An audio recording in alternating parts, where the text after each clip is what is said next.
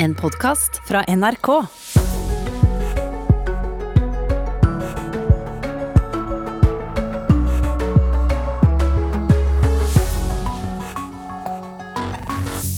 Og Kari snakket om eh, at folk kjøper ved fordi strømmen er dyr, og nettopp strømprisene skal vi snakke om også i Nyhetsmorgen videre. Også bensinprisene. Frp-leder Sylvi Listhaug vil ha lavere drivstoffpriser og ber regjeringen se til Tyskland. Men er det så sikkert at det er det som skal til for å holde inflasjonen i sjakk? Sette ned strømpriser, bensinpriser eller sette opp renten? Og når det gjelder sjakk, så skal vi høre om sjakk-OL. Magnus Carlsen sier til oss at han mener vi stiller med det sterkeste laget noensinne. Og når jeg sier vi, så mener jeg Norge. Kinas president Xi har møtt amerikanske kollega Biden. Det har de gjort to timer over telefon. Og USA kom med en tydelig beskjed om at Taiwan må forbli uavhengig. Grensen mot Russland er et turistmål. When I told my colleagues that I'm going to the Russian border, they, are you totally crazy? For det er få som gjør det nå. Det er få som er så gærne som noen tror at de tar turen til eh, den russiske grensen. For mens turistene strømmer til i sør, er det langt færre i Varanger. Forklaringen krigen i Ukraina og følelsene. Velkommen. Dette er Nyhetsmorgen i NRK P2 og NRK1, i dag med Ugo Fermariello. Fra sin bilferie i Europa skyter Sylvi Listhaug mot regjeringen, som hun mener gjør for lite med drivstoffprisene. Frp-lederen har lagt ut et innlegg på sosiale medier der hun står ved bensinpumpene og fyller for 17 kroner literen i Tyskland. Myndighetene der har tatt bort avgifter for 3 kroner, og Sverige har tatt lignende grep. Å fjerne alle avgifter i Norge ville redusert pumpeprisene med 7-8 kroner, mener hun. Jeg tenker de er for nå. De er eh, altfor høy. Valid ser pengene renne ut av lommeboken idet tanken fylles opp. Fremskrittspartiets leder og en av Norges ivrigste forkjempere for lave bensinpriser, Sylvi Listhaug, mener at nordmenn blir flådd ved pumpene. Det er bare uhørt når vi tenker på at Norge er et stort oljeproduserende land, at våre innbyggere er de som skal ha den høyeste bensin- og dieselprisene i Europa. Som et resultat av krigen i Ukraina har prisene på olje og gass steget. Det har ført til at nordmenn i lengre tid har måttet finne seg i å ha en av verdens høyeste bensinpriser. Listhaug, som denne sommeren er på biltur i Europa, har fylt tanken opp for en langt billigere penge nå som hun er på ferie. Tyskland der var det da eh, noe over 17 kroner literen. Det er jo også egentlig høyt, men det er klart det er stor forskjell på 17 kroner og 28-29 kroner, som har vært eh, toppnivået i Norge. Svaret, mener Listhaug, er å fjerne alle avgiftene, slik som mange andre europeiske land har gjort. I Tyskland så har man fjerna over tre kroner i avgifter, og det er jo det som bidrar til at drivstoffet der er billigere. Og Der er til og med da Miljøpartiet Grønne med på dette, her, fordi de innser at eh, man må gjøre noe for å hjelpe innbyggerne. Hva sier du til de som er engstelige for at dette kan bidra til inflasjon? Ja, Det er jo en utfordring overalt. Likevel ser vi det at mange land velger å sette ned avgiftene fordi de ser at det kan ikke eh, fortsette med de, de prisnivåene som er. Dette er steintøft for vanlige folk, og de som har minst, rammes mest. I Hurdalsplattformen sa regjeringen at de ville redusere avgifter som rammer folk flest, som f.eks. drivstoffavgifter. Men før sommerferien sa finansminister Trygve Slagsvold Vedum følgende. Det ligger ikke noen eh, endring på avgiftene på drivstoff i, vårt skatte- og avgiftsopplegg nå. Selv om prisene er høye, er likevel nordmenn blant dem som jobber minst i Europa per liter bensin, viser en utregning som NRK har gjort. Og hva stoppet det på? Den var 4-7 liter på 1000, litt over 1000 kroner. Er det mye? Eh, Det er mye. Ja, folk vil merke det med større bil, større liter, så de, de vil merke den prisen gå opp. Og vi forsøkte å få en kommentar fra finansministeren nå, en ny kommentar, uten å lykkes, og heller ikke Senterpartiet på Stortinget kunne svare på Listhaugs kritikk og oppfordring. Reportere var Camilla Bergland og Bård Søre Olsen. Men hva vil skje da, hvis vi setter ned, eller regjeringen setter ned avgiftene på drivstoff? Professor ved Institutt for industriell økonomi og teknologiledelse ved NTNU i Trondheim, Asgeir Thomasgaard. Hva tror du? Hva vil skje? Det vi, det vi ser er jo at uh, prisene er veldig høye pga. krigen i Ukraina, og at pris på olje og gass har gått opp. Og du kan si at En grunn til å sette ned prisene nå, ta bort avgifter, ville vært at det gir en urimelig byrde til befolkninga, som var uventa og, og, ekstraordinær. På den andre sida kan du si at uh, det er nok det prisnivået vi ser nå når det gjelder drivstoff. Uh, vi må venne oss til også i framtida, for det er jo en ønska politikk å fase ut fossilt drivstoff. Og, og måten å gjøre det på framover vil nok i stor grad være at fossile drivstoff blir dyrere. Men så... selv hvis avgiftene settes ned, som Tyskland og Sverige har gjort, så er det jo fortsatt langt dyrere enn det var for uh, noen år siden. og uh, Hvilken effekt ville det hatt på økonomien å sette ned? Ville det drevet inflasjonen opp, som er noe av kritikken mot, mot den type virkemidler? Nei, jeg, jeg, tror at den inflasjonen som vi ser i markedet i dag, det skyldes jo kapasitetsproblem, spesielt i arbeidsmarkedet, også på en del råvarer. Det vi ser på i energisektoren nå, det er jo en, en, en eh, ekstraordinær situasjon der de høye prisene skyldes en krig, vil jeg si. Så det er nok andre områder som er mer inflasjonsdrivende eh, enn, en å sette ned eh, drivstoffavgiftene. Så regjeringen kunne trygt gjort det uten å risikere noen negative utslag for statsøkonomien, mens folk flest fikk da litt bedre råd? Ja, jeg ville sagt at Det som bekymrer mest med å sette ned drivstoffavgifter nå uh, på, på, kort sikt, er, jo kanskje at vi ønsker jo den omstillinga i, i, transportsektoren, bort fra fossile drivstoff til til fornybare. Så det måtte i tilfelle vært et ekstraordinært tiltak som en gjør for å kompensere for den urettferdige byrden en får nå pga. en ekstraordinær situasjon. For det blir jo et, et, politisk, kanskje mer enn et økonomisk eh, spørsmål. Men det klassiske grepet for å stagge inflasjon er jo da det sentralbankene driver med for tiden, sette opp styringsrenten. Denne uken var det den amerikanske sentralbanken Federal Reserve som eh, gjorde et trippelhopp, altså opp 0,75 Forrige uke var den europeiske sentralbanken, og så har jo Norge gjort det. og ja, Hva tror du er det det beste virkemidlet for å, for å holde inflasjonen eh, der de vil ha den, eller nærme seg det? De vil ha 2% men vi er langt fra det nå. Ja, Det har jo vært det tradisjonelle virkemidlet for å, å stagge inflasjon. og Det man jo forvente at det virkemidlet vil bli brukt til en klarer å få inflasjonen under kontroll.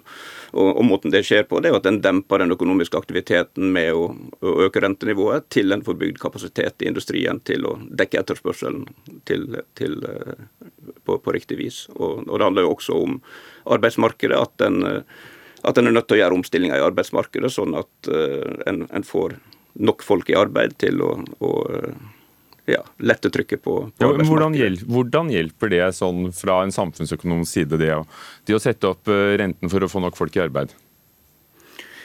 Ja, det, det, som handler om å få nok folk i arbeid, når en, når en har uh, fått nok folk i arbeid, uh, eh, dvs. Si at en har utnytta den arbeidsstokken en har tilgjengelig, så handler det jo om omstilling. Da handler det om at de næringene som, som blir viktige for framtida, vil tiltrekke seg arbeidskrafta. Og, det er vel nettopp her det kommer også den, den uh, interessekonflikten mellom å støtte for mye av uh, næringsliv som er på vei ut. For, for, det som er viktig i sånne faser som vi er nå med trykk på kapasiteten i økonomien, det er at en tar disse omstillingene og, og vrir både ressurser, kapasitet, arbeidskraft inn mot framtidas områder. Er du enig i, i, den som tror at strømstøtten som regjeringen har innført, noen vil jo ha mer av den, som huseierne f.eks., men er du enig i at strømstøtten har virket veldig positivt og, og faktisk holdt inflasjonen nede med, med 2% på en mye mer målrettet måte enn, en rentene ville gjort det? Eh, akkurat hvor mange prosent eh, det, det påvirker inflasjonen, det, det, det, kan ikke jeg si. Men det som er viktig med den strømstøtten vi ser, det er at den er der for å kompensere for en ekstraordinær byrde som befolkninga har fått, igjen pga. krigen i Ukraina og ekstreme energipriser. Og jeg tror at det er et politisk spørsmål igjen. Eh, den totale byrden på befolkninga når det gjelder skatter, avgifter, kostnader, eh, må ikke være urimelig og må ikke være urettferdig. og Da er det et politisk spørsmål hvordan en kan kompensere for det på best mulig måte. og Det er der jeg ser at strømstøtta kommer inn. Takk skal du ha, Asgeir Thomasgeir, eh, professor ved NTNU i industriell økonomi. Og nettopp eh, strømmen er altså det som har opptatt mange i det siste året. Også i dag blir de høyeste strømprisene være i Sørvest-Norge. Om en time vil den ligge på 4,56 kroner for hver kilowattime. I fjor skapte tannhelsepleier og tobarnsmor Anita Bjørvik Knutsen et stort engasjement da hun fortalte om hvordan strømprisene allerede da påvirket hennes hverdag. dette her, dette er helseskadelig politikk, og det går utover Ola Nordmann, det går utover min nattesøvn, det går utover at mine jenter på seks og åtte år kan ha det varmt på sitt eget soverom, der de skal leke og ha det fint, ha venner på besøk, spise vanlig middag.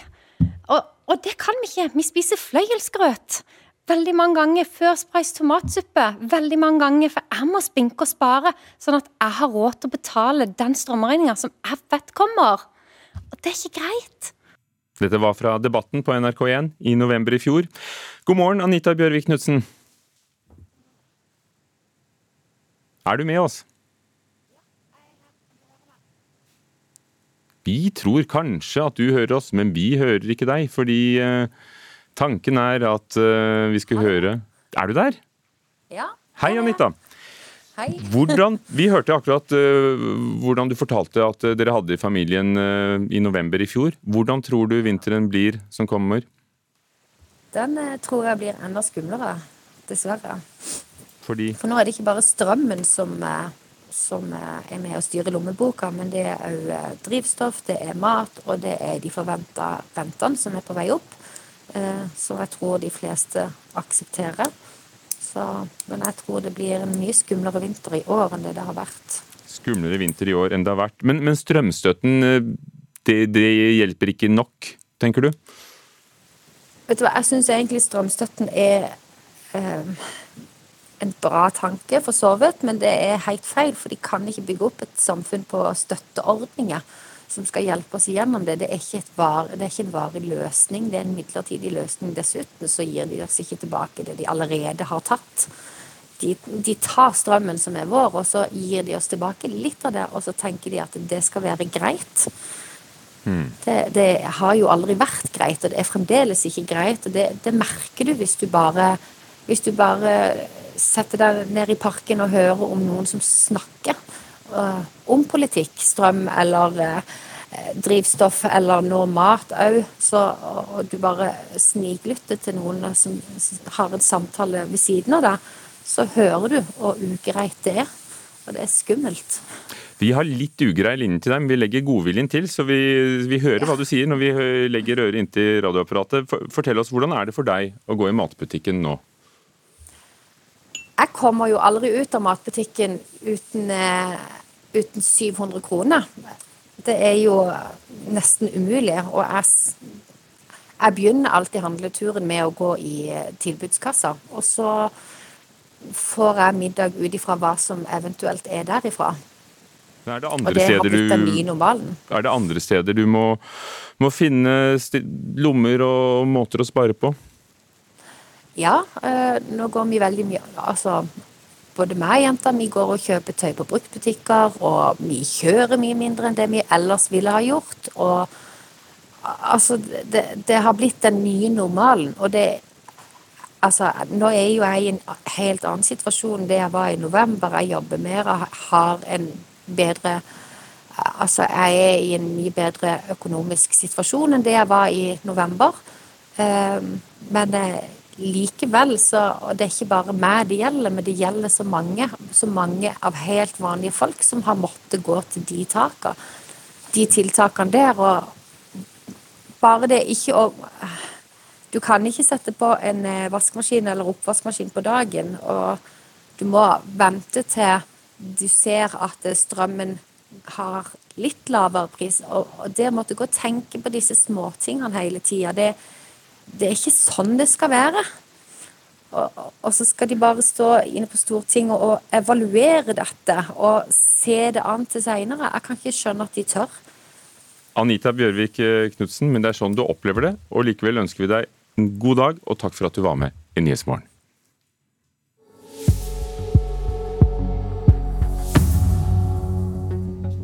Klokken er eh, 17 minutter over syv. Overskrifter. Åtte mennesker er døde i Kentucky i USA etter at et voldsomt regnvær har ført til den kraftigste flommen i delstatens historie. Utskippingen av korn fra Ukraina kan starte i dag, det sier FN, selv om detaljene rundt hvilken rute kornet skal ta, er eh, uavklart.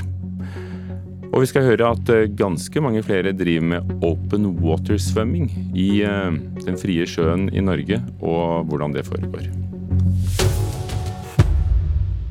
Kina og USAs presidenter hadde i går en to timer lang telefonsamtale, og Xi Jinping og Joe Biden ble bl.a. enige om at de skal møtes ansikt til ansikt for første gang siden Biden ble innsatt som president. Men tonen var ikke bare høflig. Xi advarte også Biden mot å leke med ilden. Reporter Filip Bedaas Ulvin, hva la han i det? Xi advarte egentlig Biden og eh, USA mot å endre innstillingen sin til eh, Taiwan. Dette var virkelig det hovedtemaet eh, de diskuterte. Det er ganske høye spenninger nå mellom Kina og USA og på kryss av Taiwanstredet.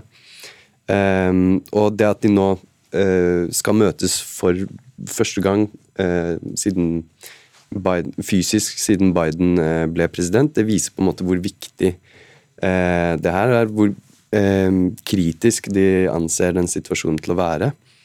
Eh, de skal også ha snakket om eh, handels, eh, handelskrigen, men det, konteksten av det her er at Biden i mai bl.a. sa at USA vil gå inn aktivt militært for å forsvare Taiwan dersom Kina skulle invadere.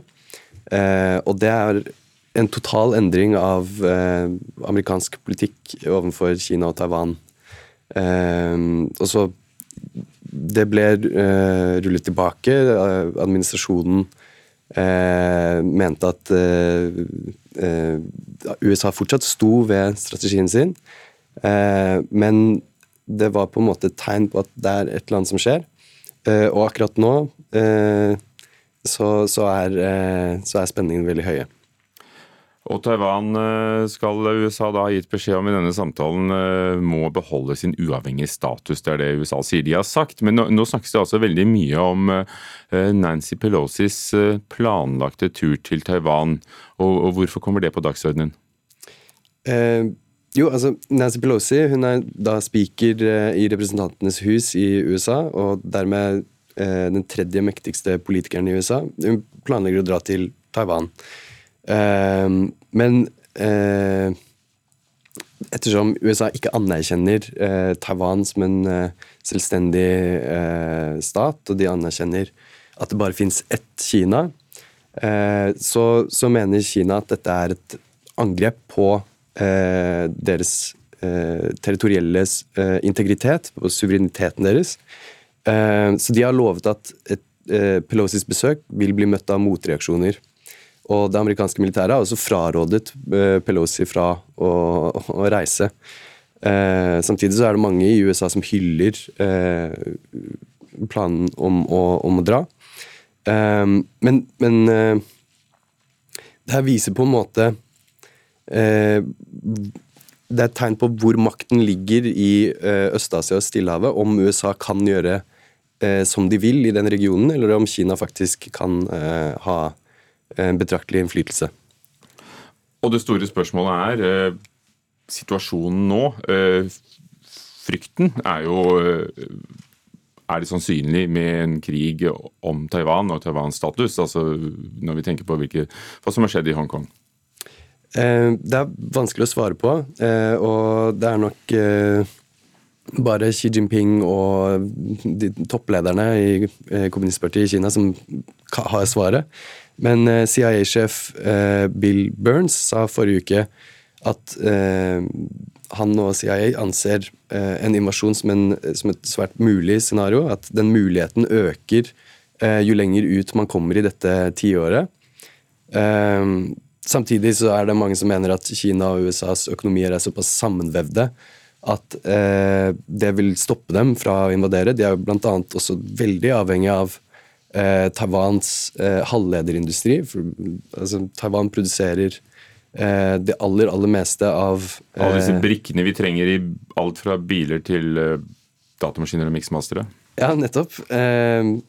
så skulle det blitt en krig, så hadde det ført til en total økonomisk kollaps. Og det er mange som mener at eh, verken Kina eller USA er villig til å, til å ta på seg eh, slike tap.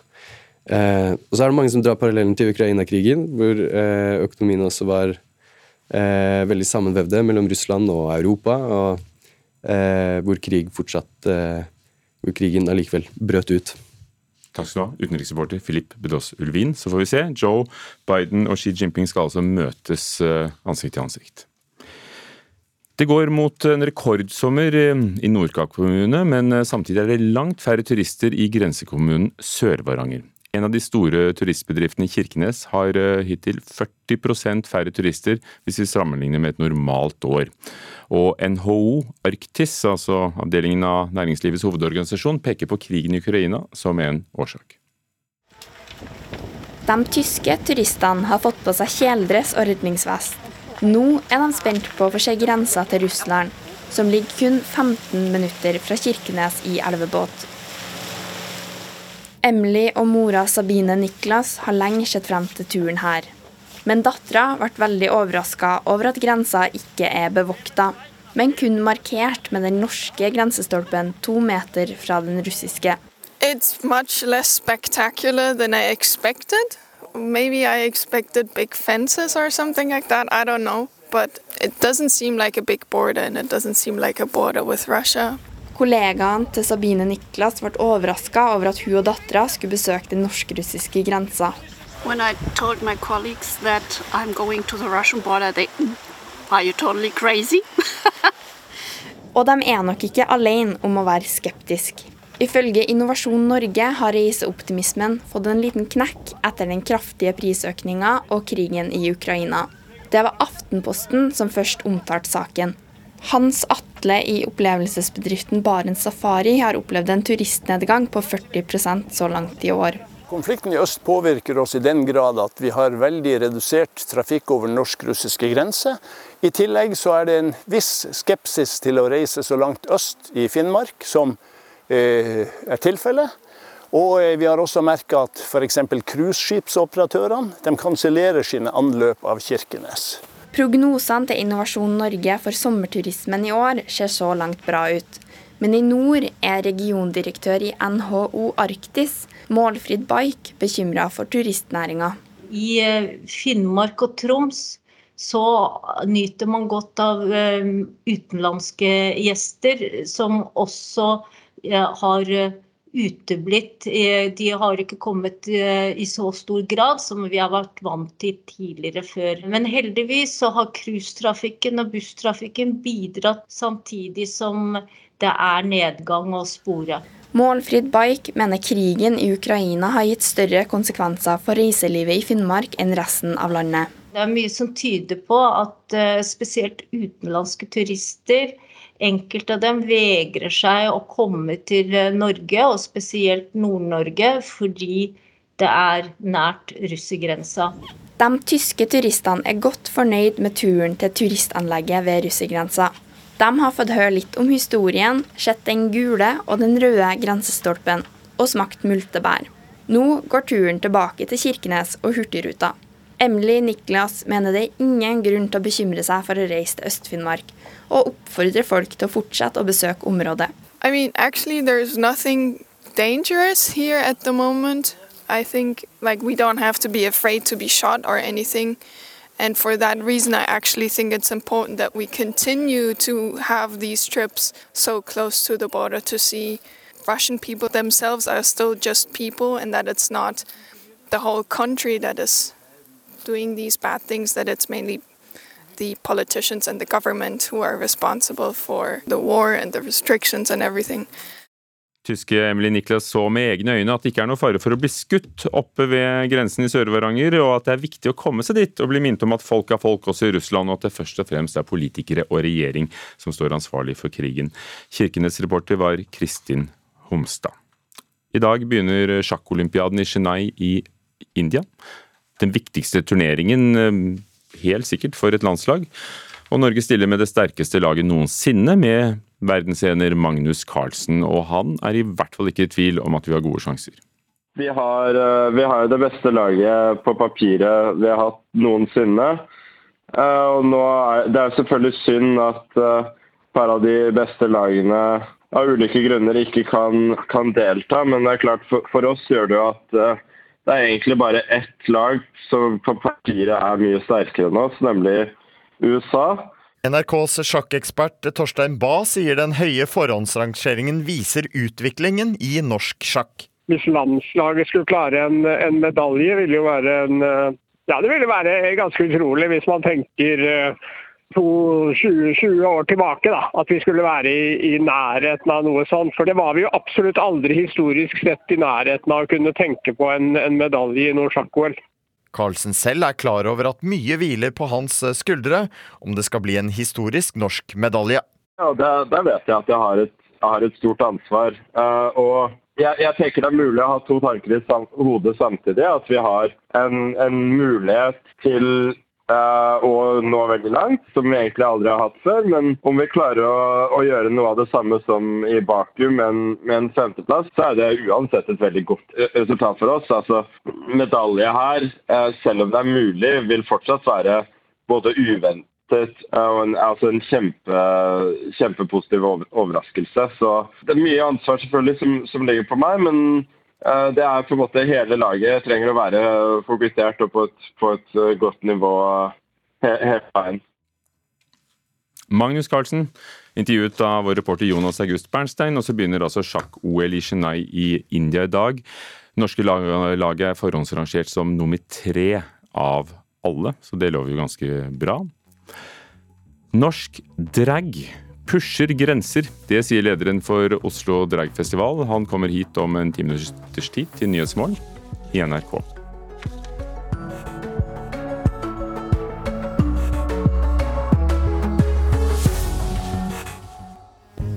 Sommer i P2. Jeg søkte på en jobb der kriteriet var at man måtte kunne lage litt mat, og endte opp med å servere kongeparet og vinne kokkeprisen. Jeg heter Astrid Regine Neslander, og i mitt sommer i P2 skal jeg fortelle om veien fra ei hytte full av katteskitt i Värmland til bærekraftig matproduksjon i Nord-Norge. Sommer i P2. I dag klokka ni.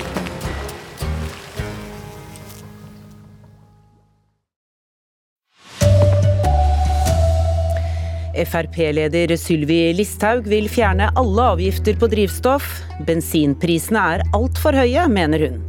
Det er bare uhørt når vi tenker på at Norge er et stort oljeproduserende land. Selv om det er sommer, flere skaffer seg peis. Strømprisene er årsaken. Jo, det er jo da de strømutgiftene som er jo helt crazy, syns jeg, da. Og norsk ungdom beveger seg for lite. Niåringene er aktive, men når de blir 15 er de blitt passive.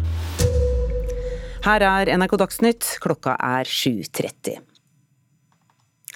Leder i Fremskrittspartiet Sylvi Listhaug vil ha alle avgifter på drivstoff fjernet. Hun mener det kan redusere pumpeprisen med 7-8 kroner. I sommer har Listhaug vært på biltur i Europa og fylt bensin til langt lavere priser enn de norske. Flere enn henne synes det er dyrt å fylle tanken om dagen. Jeg tenker de er for nå, de er altfor høy. Valid ser pengene renne ut av lommeboken idet tanken fylles opp. Fremskrittspartiets leder og en av Norges ivrigste forkjempere for lave bensinpriser, Sylvi Listhaug, mener at nordmenn blir flådd ved pumpene. Det er bare uhørt når vi tenker på at Norge er et stort oljeproduserende land. Som et resultat av krigen i Ukraina har prisene på olje og gass steget.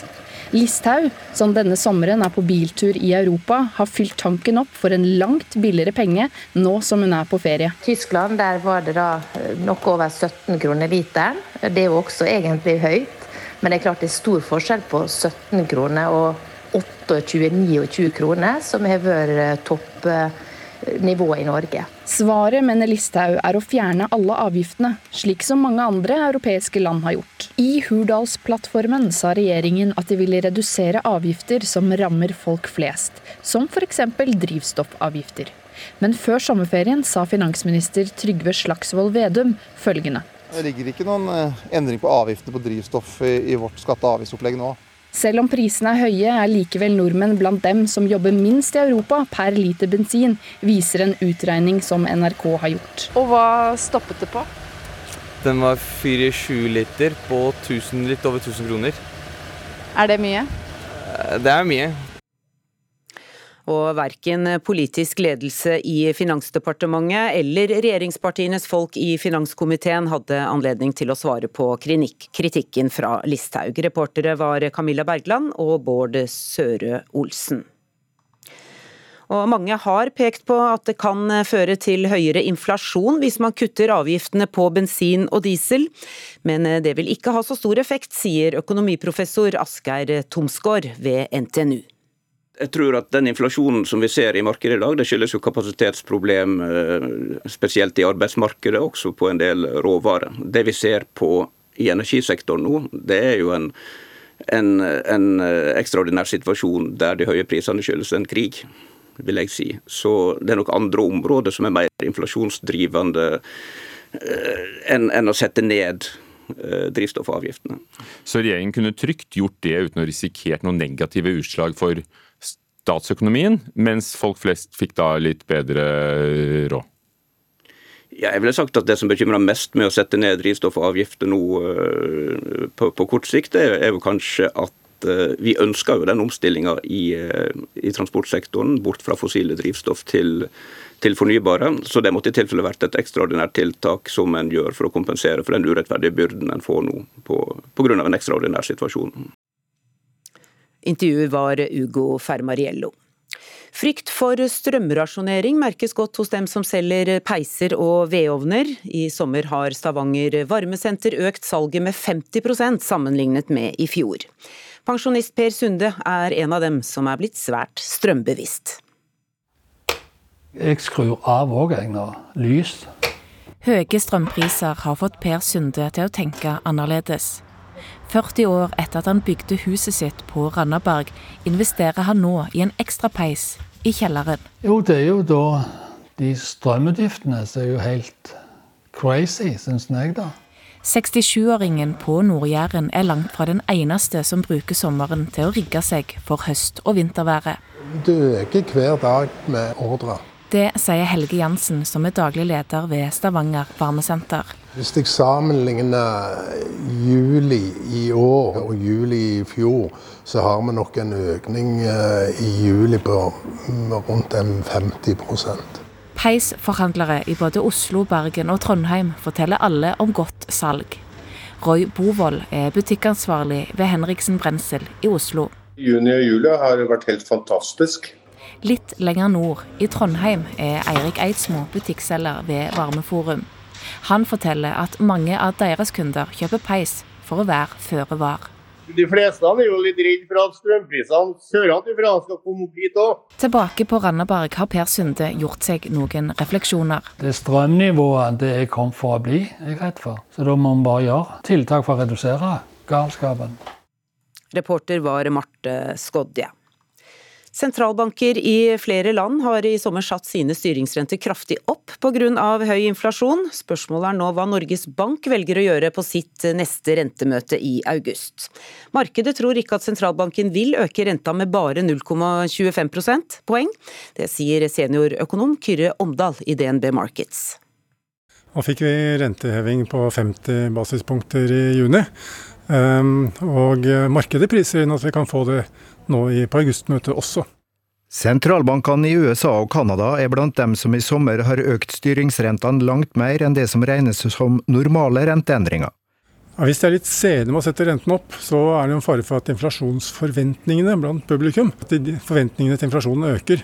Eh, og da blir det mye vanskeligere å greie å få ned inflasjonen senere. Så da må de dra til mye hardere med renten på et senere tidspunkt. Og skape mer, en større nedtur i økonomien. Om få uker skal Norges Bank felle sin neste rentedom.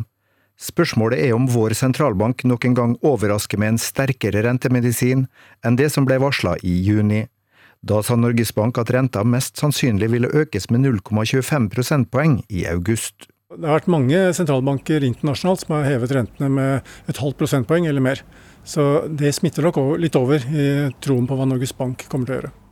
Et stramt arbeidsmarked og en sterkere prisvekst enn det som Norges Bank har lagt inn i sin kalkulator, er det som trolig må til for at sentralbanken nok en gang skal overraske med en dobbel renteheving, sier sjeføkonom Marius Hov i Handelsbanken. Men at det underliggende prispresset igjen er sterkere enn det Norges Bank har tenkt, så vil jeg nok tro at det mer kan tippe Norges Bank til en ny dobbeltheving i så fall. Men ikke i seg selv det at vi fikk en ny trippelheving fra den amerikanske sentralbanken eh, denne uka her. Reporter var eh, Johan B. Settem.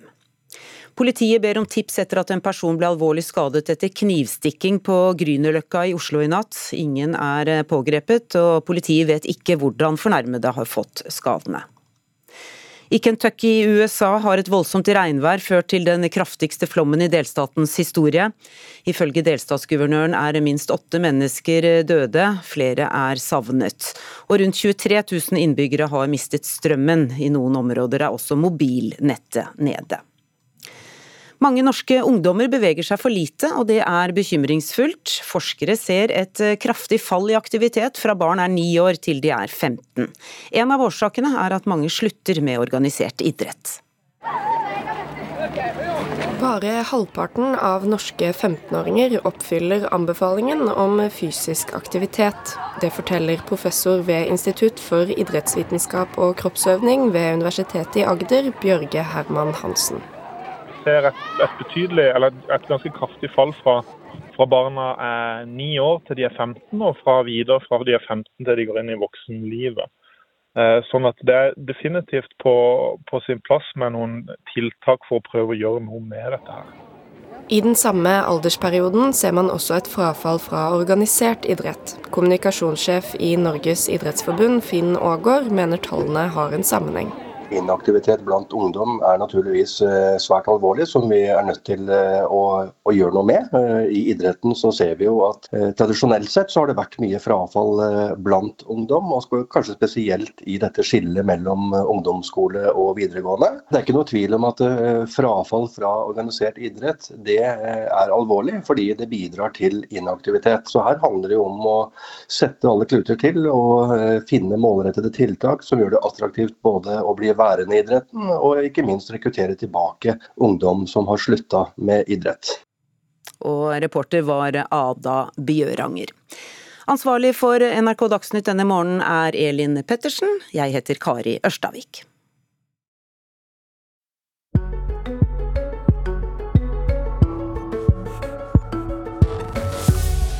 Før vi møter, en av Norges mektigste kvinner, for det skal vi snart her i Nyhetsmorgen, så skal vi møte en som ofte portretterer mektige kvinner, nemlig Oslo Drag Festival er i gang med dragartister fra fjern og nær. Og velkommen, Remi Johansen Hovda, festivalleder og dragartist. Tusen takk.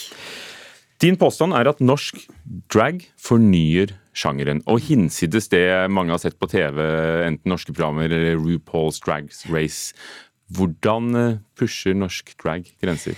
Nei, det, det, vi gjør er jo at vi tør enda mer å ta i bruk andre virkemidler og eh, altså sjangerfornye da, hele drag-fenomenet.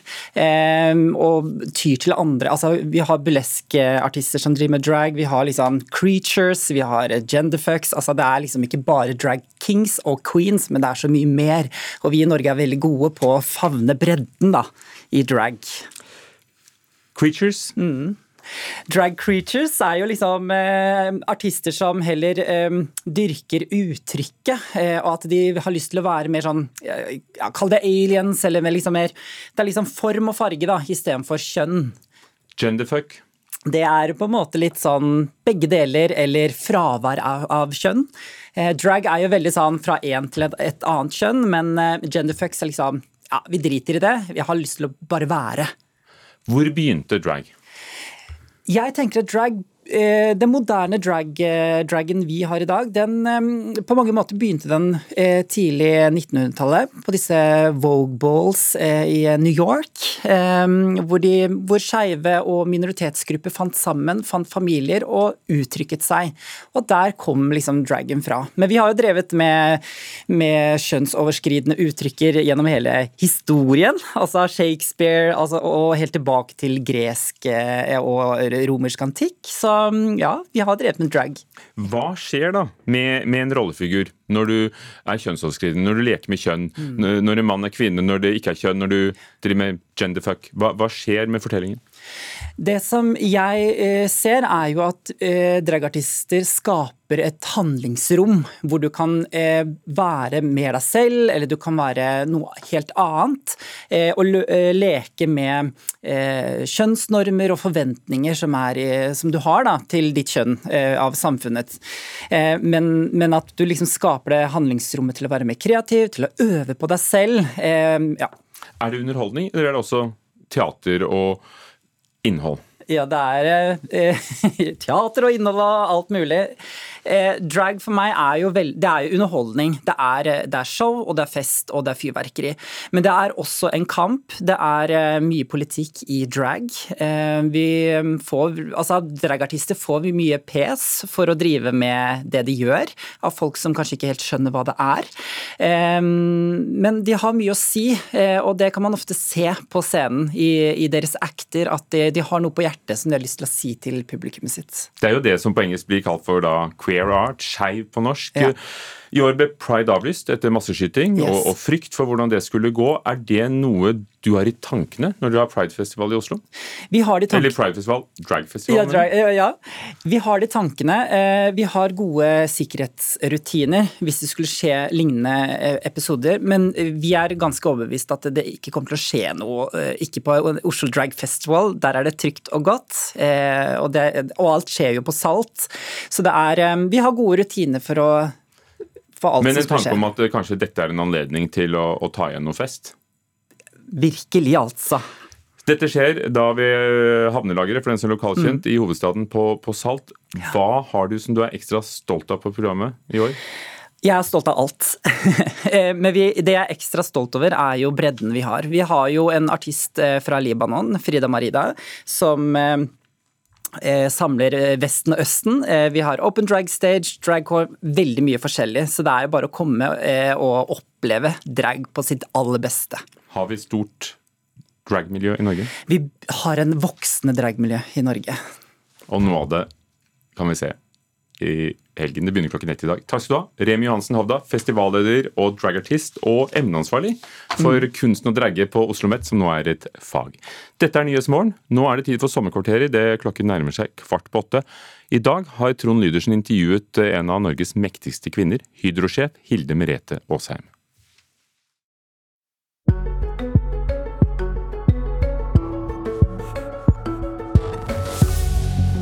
Vi ser jo det hvordan, hvordan bare inflasjonstakten har økt noe voldsomt nå bare de siste, de siste året.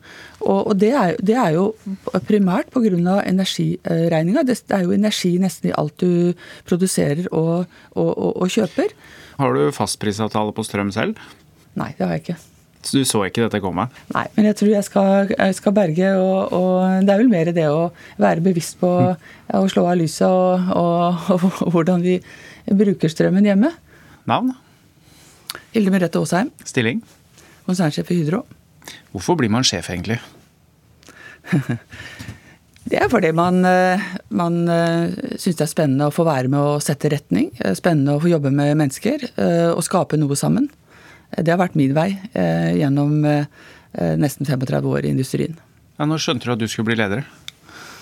Nei, det skjønner du vel eh, ikke sånn umiddelbart, men, eh, men jeg fikk stadig tilbakemeldinger at jeg var flink til å jobbe med folk, at jeg fikk med meg mennesker. 24.2 så invaderer Russland Ukraina.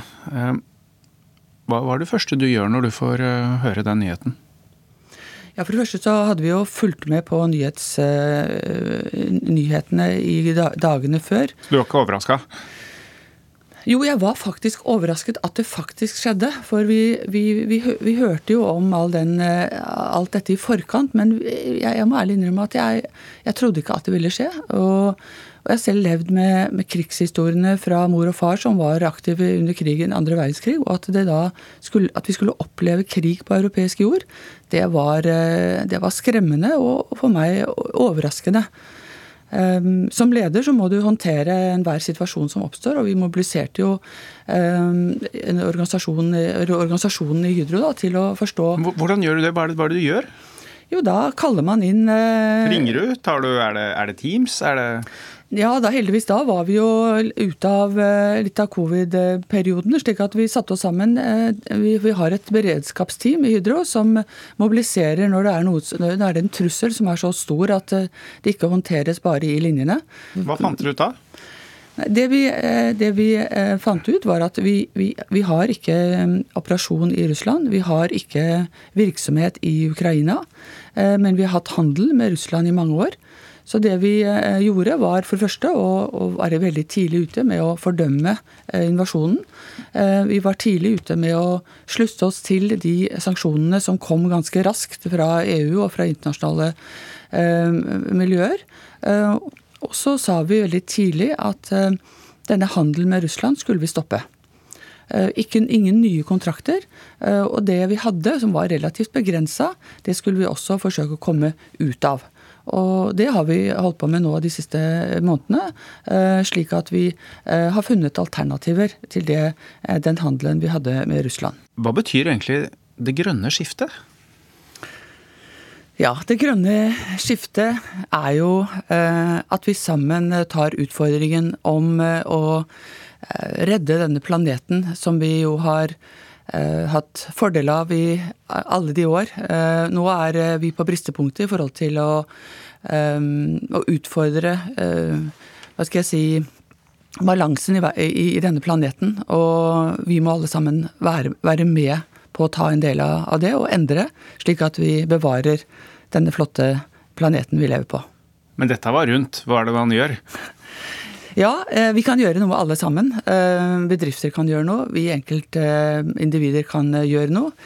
I Hydro så produserer vi et materiale som vi mener er en del av løsningen, gjennom at vi produserer aluminium eh, som kan være med på å bidra til enda mer energieffektive bygg. Eh, vi kan, vi kan være med å elektrifisere transportsektoren ved at bilen blir lettere, kan gå på elektrisk kraft istedenfor fossilt. Og eh, vi kan være med å produsere materialer som, eh, som, kan bygge solpaneler, som kan bygge vindmøller, som kan være med å produsere eh, energi eh, på en eh, fossilfri måte. Så det, det, er det grønne skiftet sett fra Hydro? Mm. Mm. Og da Sånn som Hydro selv, altså dere henter jo da råmateriale mye i Brasil f.eks. Og så kjører dere dette pulverisert opp på båt hit, hvor du putter norsk foss inn i det og så lager aluminium. Og så kjører du kanskje til Kina igjen, den aluminiumen, da, eller et annet sted? Nei, det gjør vi ikke. Nei, Hva gjør du da? Vi, eh, vi, en, eh, vi, er godt posisjonert til å levere på en ansvarlig eh, og bærekraftig måte gjennom den måten vi driver på i den verdikjeden vi har. Fra vi tar ut bauksitt i gruva i Brasil, til vi tar dette hjem til Norge, i Sunndal eller i Årdal produserer med utgangspunkt i vannkraft med det laveste CO2-fotavtrykket per i dag eh, i verden. Men likevel så det, det har vi jo et CO2-avtrykk som er altså en femtedel av hele Norge tilsvarer? Ja, men det er, men, Hvorfor det? Men, det er, like, men det er likevel bare 25% av det som er verdens gjennomsnitt i aluminiumsindustrien. Og aluminium trenger man for å, for, å, for å, levere Det er et strategisk materiale i bygg, i bil eh, og i infrastruktur. Og vi har en målsetting om å komme til null i CO2-avtrykk. Og vi håper å være i markedet med, eh, med eh, aluminium som har null fotavtrykk i industriell skala i 2030. Aasheim mener dagens energikrise stikker dypt, og at krigen i Ukraina bare kom på toppen av et energiregnskap som ikke går opp. Når man setter en så kraftig klimautfordring som EU f.eks. har gjort, da, med at man skal være karbonnøytrale i 2050, så, eh, så, må man samtidig som man faser ut noe, så må man ha inn noe. Eh, og den, den utfordringen var jo allerede der før eh, situasjonen med, med, Russland. Og den har jo blitt enda kraftigere. Hva er det du skal finne da? Det er jo ganske enormt? Ja, det er enormt, men det er også mulig. Det er, det er jo da fornybarkilder som går på, som går på, eh, på havvind, som går på vindkraft på land. Det går på, eh, det går på hydrogen. Det blir jo en veldig viktig del av, av hele den energiligningen. Eh, og, og, og, det, og det Hvor lang tid snakker vi om da? Nei, vi snakker jo om, at, eh, vi snakker jo om 2050, eh, men vi må jo løse dette før. Og derfor så må både 2050 tror jeg mange mener er ganske lenge, hvis du sliter ja. med å betale regninger nå. Ja, men, men, men, det er jo også den andre utfordringen, for vi har en klimautfordring. Dere har jo langsiktige avtaler, da, men det er noe annet. Det, ja, men, vi, 20, vi har langsiktige avtaler inn mot litt over 2030, men det er jo ikke lenge til. Og Derfor så har jo vi som selskap vært veldig tydelige overfor norske myndigheter at det, det, haster. Vi må ha et tempo, en ambisjon, for å få inn mer fornybar kraft i Norge. Men det gjelder jo også hele Europa, som har den utfordringen. Og det ser vi jo i alle land nå, så er jo dette på topp av agendaen for å bidra til at vi klarer å løse den utfordringen. Hva skjer hvis ikke? Nei, det vil jeg nesten ikke tenke på. for da, da, er vi i det skisma mellom at, at, kloden brenner, eh, samtidig som eh, vi, eh, vi, ikke har klart denne, eh, det å få dette skiftet. Men det som er den store utfordringen, det er både å løse denne klimautfordringen og de samfunnsmessige utfordringene i denne omstillingen, som du er inne på, med de sosiale utfordringene, at folk ikke klarer å betale regninga si. Og Det tror jeg blir en veldig viktig oppgave for politikerne. Det er ikke noe privatselskaper eller selskaper som Hydro kan løse. Men det å være med på å se at dette er en omstilling som man må finne løsninger på i forhold til den enkelte eh, mann og kvinne. For ellers så kommer folk til å gå til gatene. Folk kommer ikke til å, å, å klare å, å betale regninga, som du sier. Og det er, jeg tror det, det, det er en viktig del av den omstillingen vi står overfor klimautfordringen og de sosial, den sosiale dimensjonen. Pandemien viste at forsyningskjedene i verden er sårbare.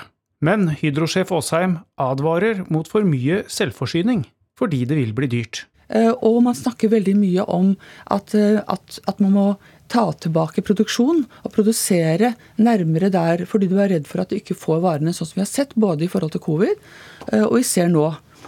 Og det, er, Mange syns jo det er spennende å få lov til å produsere varer som tidligere ble produsert nå i Kina eller i lavkostland.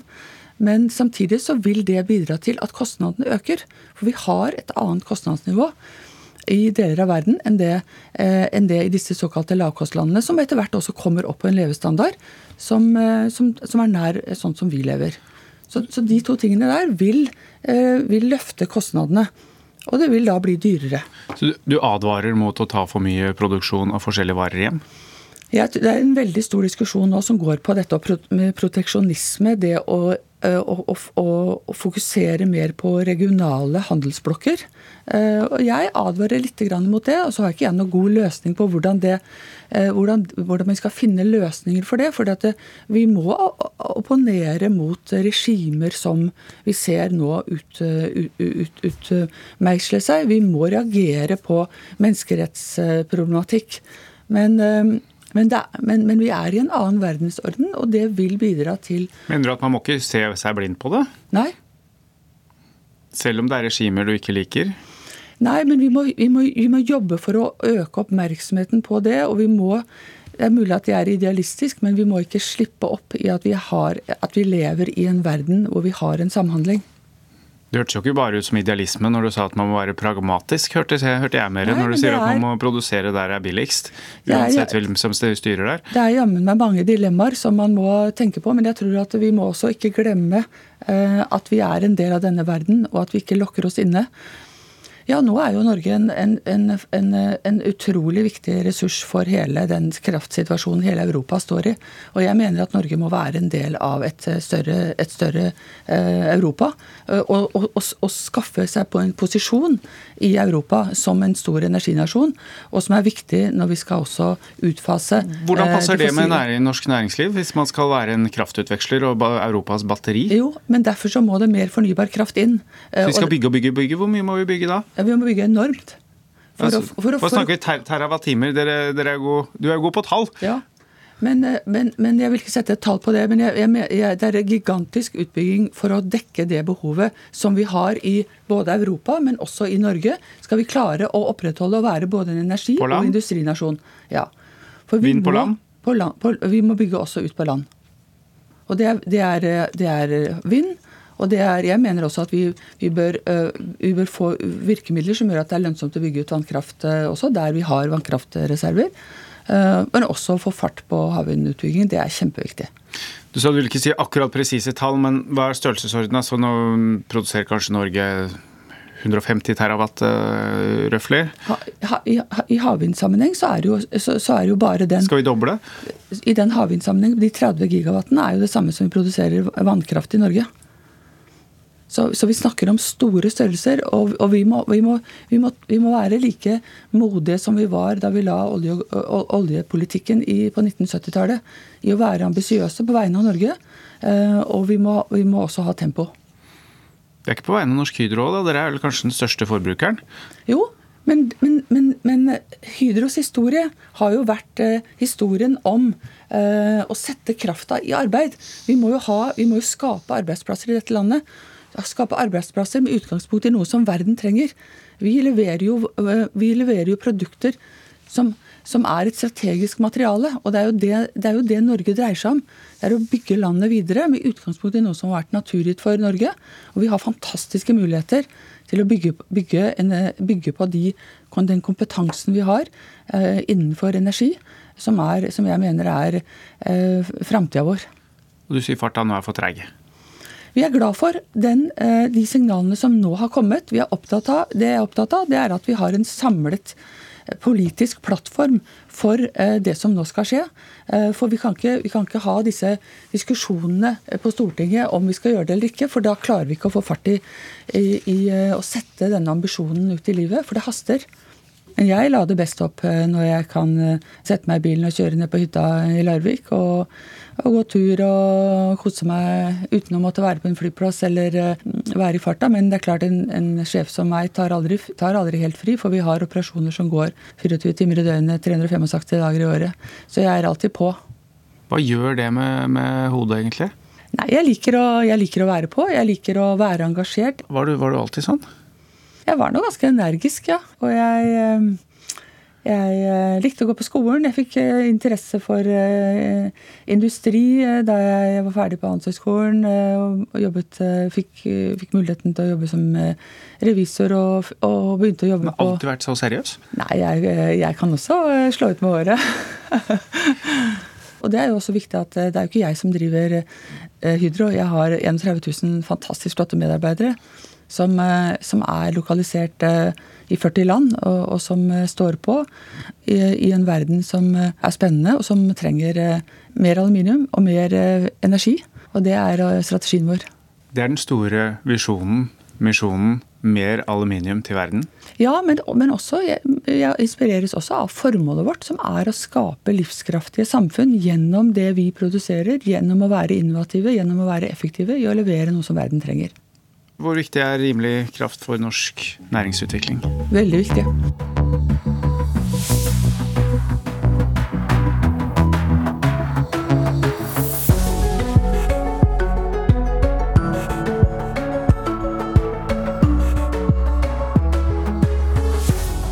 Du har hørt en podkast fra NRK. De nyeste episodene hører du først i appen NRK Radio.